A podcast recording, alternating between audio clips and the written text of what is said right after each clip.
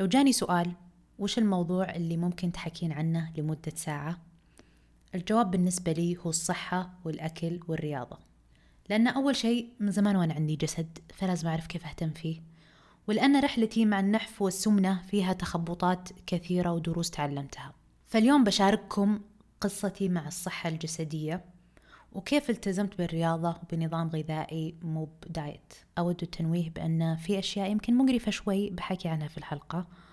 وتريجر وارنينج بتكلم عن اضطراب نهم الطعام وبالإنجليزي اسمه binge eating الشيء الثاني اسم الحلقة ماني بأخصائية تغذية لأني ماني بأخصائية تغذية والكلام بس سواليف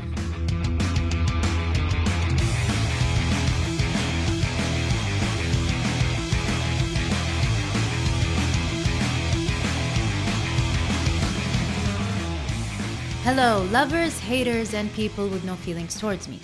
شوفوا قبل ما أدخل في الموضوع قاعدة أحاول أخلي كل شيء عربي في بودكاستي. إلا هذه الجملة. أحس إنه يعني أحس مرحبا بال... باللي يحبونا ويكرهونا. شوفوا زوجي قصيمي فأنا عادي عندي باس بس ما ما مو قاعد تطلع معي فريز نفس ال... نفس hello lovers haters and people with no feelings towards me. فمعليش هذه لن أغيرها لأن من يومني بزر وهذه جملتي في البودكاست. لكن ما أدري لو قاعد تلاحظون بس قاعد أحاول أتكلم عربي أكثر بكثير من أول. أخيرا بعد ما أدري عشر سنين سمعت كلامكم. ندخل في الموضوع.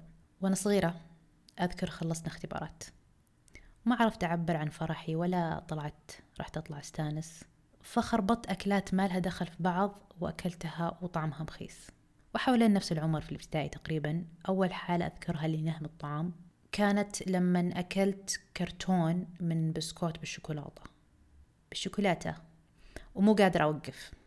وكان تفكيري إني ما أبي أوقف إحساس الوناسة بطعم هذا البسكوت مع إني يعني خلاص شبعت من, من أمس شبعت من زمان. بس لا قاعدة أكمل. أكل كبرت وتغير جسمي وزالت ثقتي بنفسي مليون خاصة لما كنت أسمن من اللي حواليني.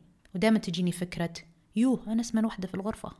وخلاص يعني بعدها أكيد جلست أسوي diet وأحرم نفسي وأرجع أسمن وحتى أكل أكثر. يعني أكثر أكل يغث أذكر طلبته كان burrito من Fire Grill burrito دجاج ورز وأشياء. وبعدها أكلت burrito يمكن بنفس الحجم نوتيلا مع موز. وصدق حسيت إني بستفرغ وأنتم كرامة. طبعا متأكدة إني أكلت أشياء أكثر من كذا بكثير بس هذا ال mix اللي خلاني كذا أكره نفسي. بعدين صار الأكل هو المتنفس لي لما يصير لي شيء سيء لما يكون يومي مخيس. فلما تصير لي تجربة سلبية خلاص أروح أطلب fast food وآكل فوق طاقتي. يمكن شخص شخصين أو أكثر من اللي يسمعوني الحين ممكن يتفهمون هذا الوضع. وبالنسبة لهم هذا شيء مألوف هذا شيء familiar وفي اللي حالتهم أهون من حالتي سابقا. وفي ناس حالتهم أسوأ مني. لكن أعتقد كلنا نعرف معنى أنك تكره شكلك وتجلس تفكر بأفكار سلبية جدا تحطم فيها نفسك. بالأخير أنا حابة أقول لك you are not alone my friend.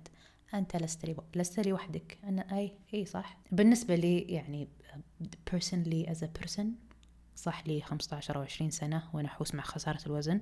وجربت أنواع كثيرة من أنظمة ال diet. فبذكرها لكم. ال diet النباتي vegan مو vegetarian.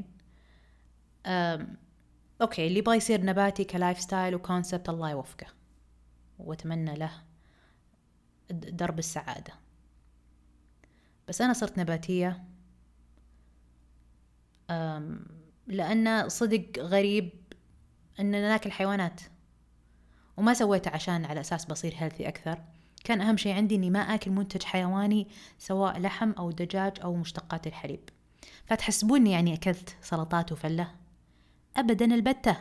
جلست آكل رز طول الوقت وزاد وزني وكان أصعب مرة أنزل فيها وزني. يعني كان كل يوم أقعد أطلب رز ما في ما في ما في شيء كذا أخضر في أكلي ما في سلطة ما في شيء مفيد.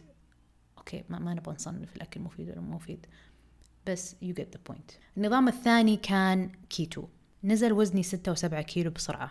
وطبعا رجعت أمهم لأنه يلعن أمه من نظام أكل. آسفة على اللعن بس مرة ما ناسبني. وغير كذا الفترة اللي كنت أسوي فيها كيتو كنت حرفيا غبية. كذا غبي غباء فاحش.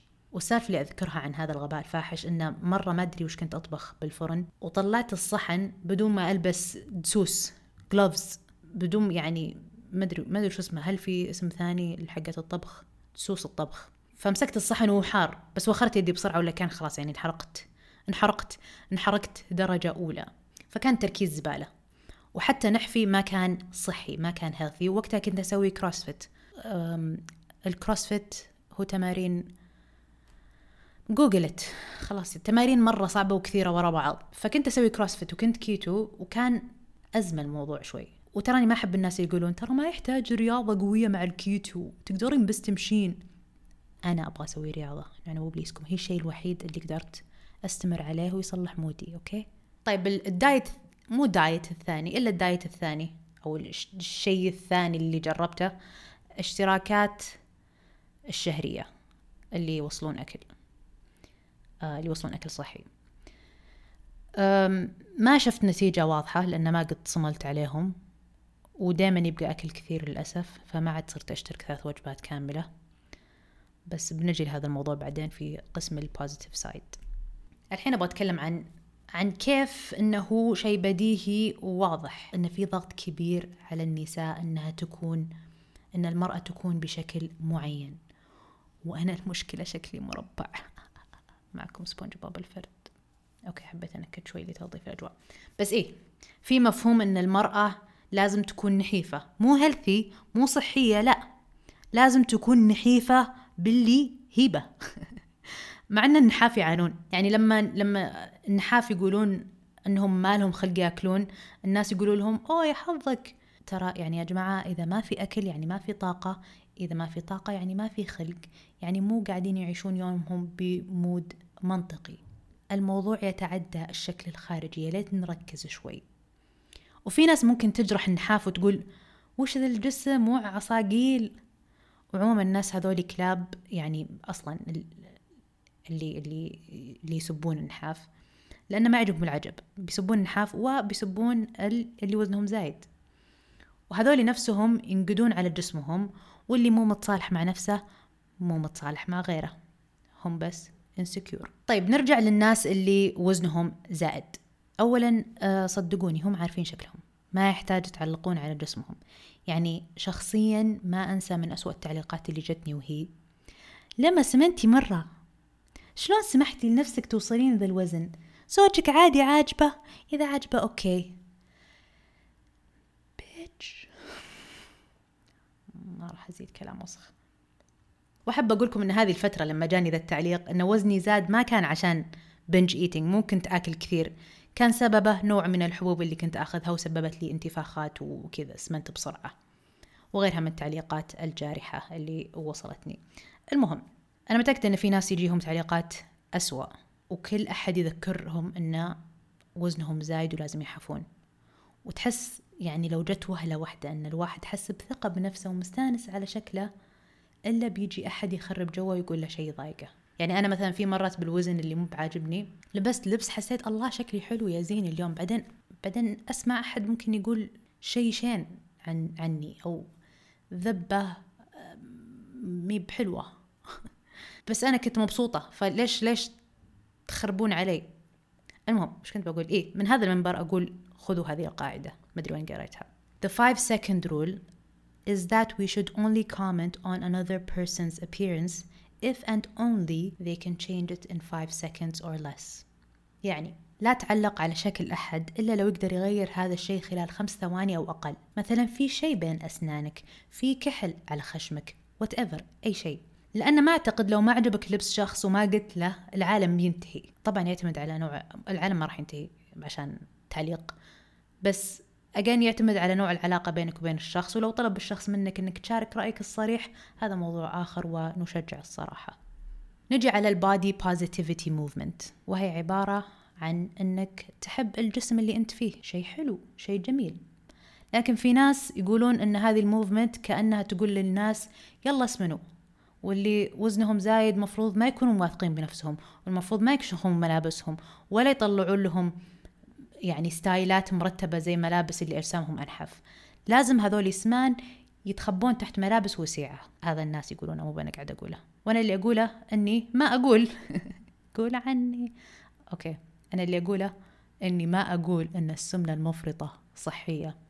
بس اللي أقوله خلوا الناس تحب نفسها وتستانس بنفسها سواء بدأوا رحلتهم الصحية أو لا. يعني ما أتوقع أن قبل ما تنوم تقول يوه صديقي ما نزل كيلو وين الله يفشله؟ ولا أنت مثلا بتقولين يوه المطربة ليزو وراها طلعت brand لل big girls ما يعني أنتم أشخاص مو كويسين لو لو صدق هذه أفكاركم قبل النوم. و guess what خسارة الوزن مو سهل على كل أحد. في اللي عندهم بي سي, بي سي أو اس تكيس مبايض صعب عليهم. في اللي عندهم الغدة في اللي عندهم اكتئاب اللي توها والدة الدورة أيضا تلعب دور. وفي حالتي كان بنج ايتينج الحين نرجع للتركيز على قصتي. كانت علاقتي سيئة مع الأكل بس إنه همي النحف ولكن في كل مرحلة أتعلم شيء جديد وهذا اللي وصلني إلى اليوم. اليوم أنا أعتقد بأني في شلون؟ بأن بأني بأفضل نسخة صحية وصلت لها شكلا وعقلا. نزلت عشرة إلى سبع كيلو ثلاث مرات في آخر ستة وخمس سنوات وبشرح لكم عن كل وحدة وكيف وصلت لليوم. بس أولا بقول لكم إن الروحة للنادي ما كان عندي مشكلة معها. صح في البداية دخلت نوادي وما أدري وش أسوي في الأجهزة والكلاسات أغلبها كارديو.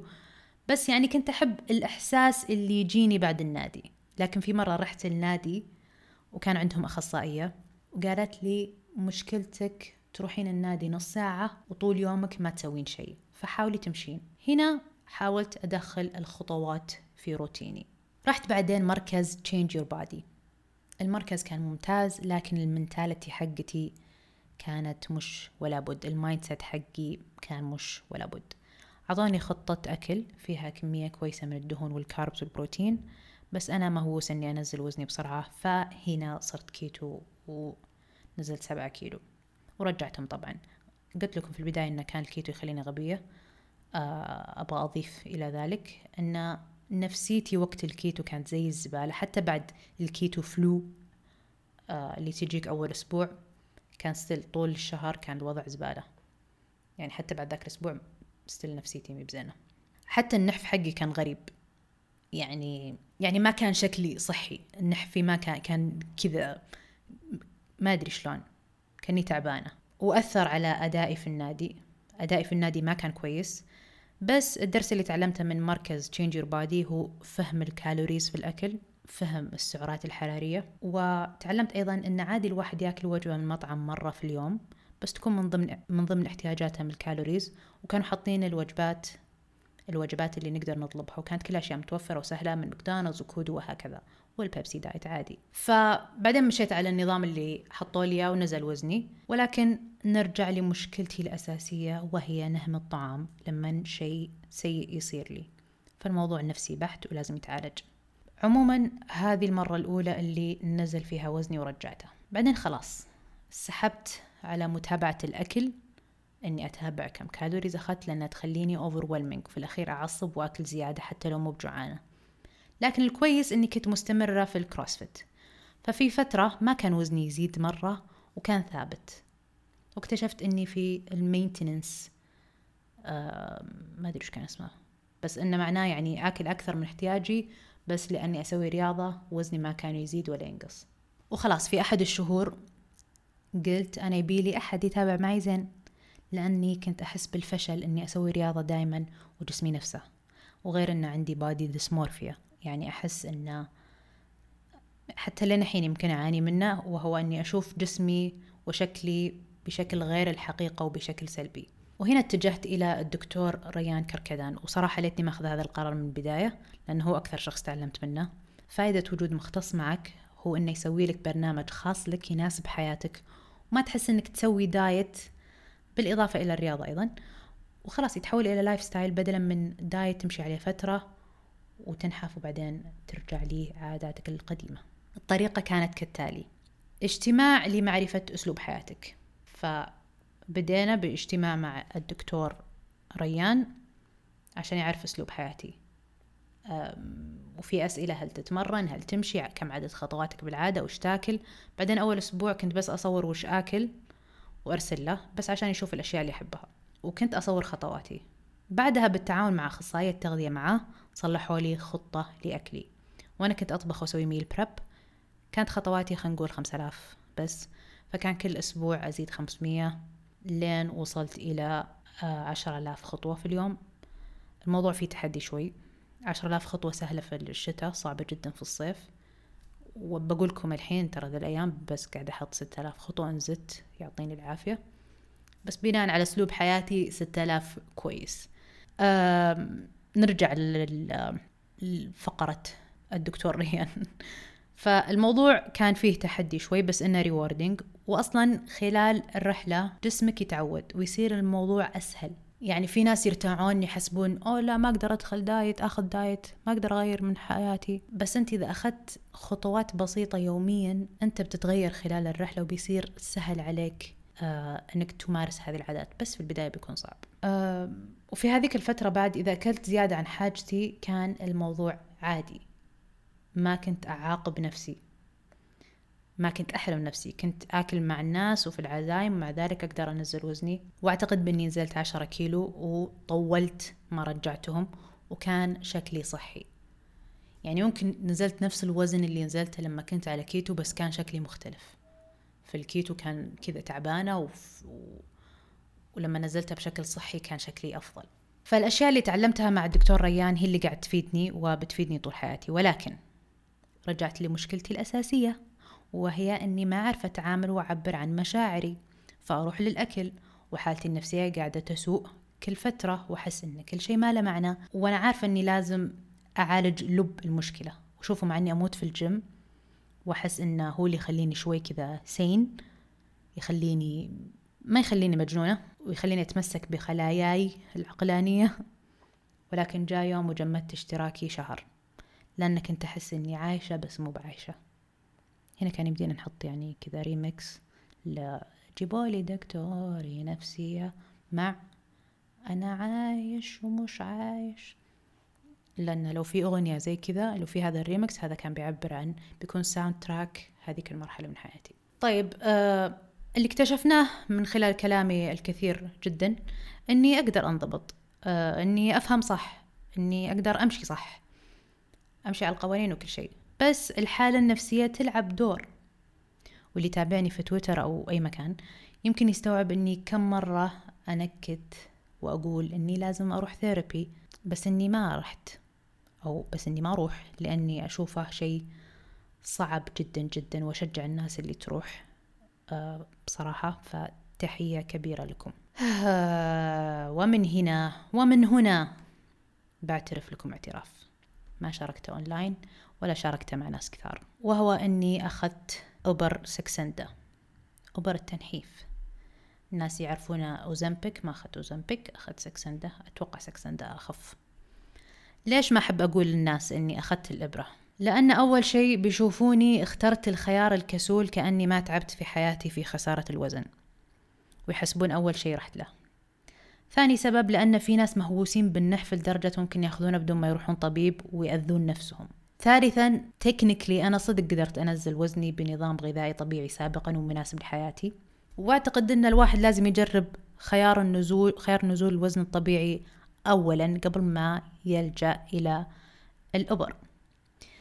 اتخاذ هذا الخيار كان صعب مرة.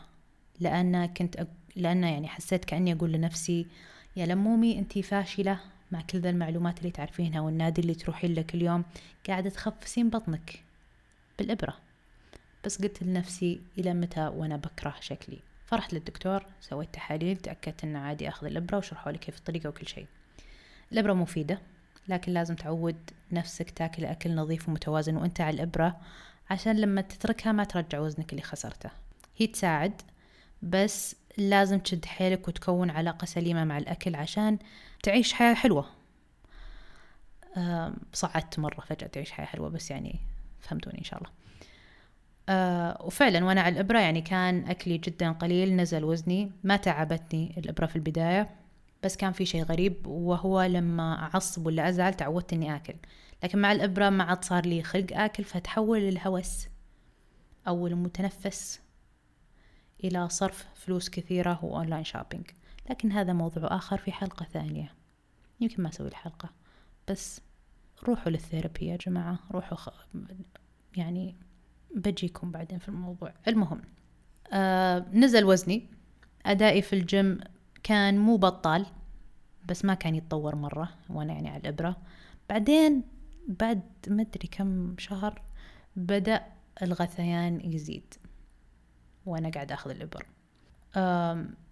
بس إني still قاعدة أستمر لأن لأن بس باقي لي كم كيلو الوزن اللي في بالي. ولكن بعد ما رحت الطوارئ مرتين من الاستفراغ وأنتم كرامة وبقرفكم أكثر. معلش هنا بقرفكم أكثر بكثير. في الرحلة الثانية ما أدري في الرحلة ما أدري واحدة من ذا الرحلتين للطوارئ أتوقع الثانية. بديت أستفرغ شيء فسفوري لأن ما عاد صار في شيء في بطني أقدر أطلعه للأسف. و again آسفة بس هذه الحقيقة عشان ما حد ينهبل ويروح ياخذ الإبر بدون استشارة طبيب. هذا وأنا يعني okay هذا وأنا استشارة طبيب وأنا عارفة إني كان المفروض إني أوقف الإبر من زمان. بس شوفوا يعني وين مخك بوديك وين الهوس؟ بيوديك. فأنا قلت okay صحتي قاعد تتدهور ما يسوى علي إني أروح الطوارئ كذا في الفجر. ف ما أرشح اختيار الإبر كحل أول وأعيد وأزيد عنوان الحلقة هو أنا ماني بأخصائية تغذية. فالحين تركت الإبر. وفي صديقة عزيزة علي هي عارفة أني أنا خايفة أرجع الوزن اللي خسرته بس قالت لي لما أنتي كوين الانضباط وعلى أن الكلمة بسيطة لكن فعلا شجعت. لي شهرين أو أكثر بدون الإبرة ووزني جالس ينزل بشكل بطيء بس عادي لأن في البداية نزول وزن يكون سهل وبعدها يصعب أكثر. بس شكلي تغير زادت ثقتي بنفسي أكثر صرت ما عاد آكل أكل فوق حاجتي. آه ولأني وقفت الإبرة بعد الإبرة؟ الإبرة. ولأني وقفت الإبرة بعد وصرت آكل أفضل. آه صرت آكل أفضل وأكثر من أول. أدائي في الجيم تحسن بمليون مرة. يعني تخيلوا صرت أسوي حركات بركات في التمارين ما كنت ما كنت متوقع في حياتي بقدر أقدر أسويها. يعني تخيلوا صرت أشيل أوزان أكثر من أول وأسوي toes to bar اللي يعرفوا وش toes to bar أخيرا صرت أعرف أسويها. بالنسبة لأكلي في الفترة الحالية يعني أحيانا أشترك في وجبة غداء من فود فتنس وفطوري أسويه في البيت وعشاي أطلبه عشان ما أحرم نفسي من شيء مشتهيته. وثانيا قلت لكم في البداية ما أحب أشترك بثلاث وجبات من اشتراكات شهرية لأنه يبقى أكل كثير فما كنت أبغى يبقى أكل كثير فأشترك في وجبة واحدة.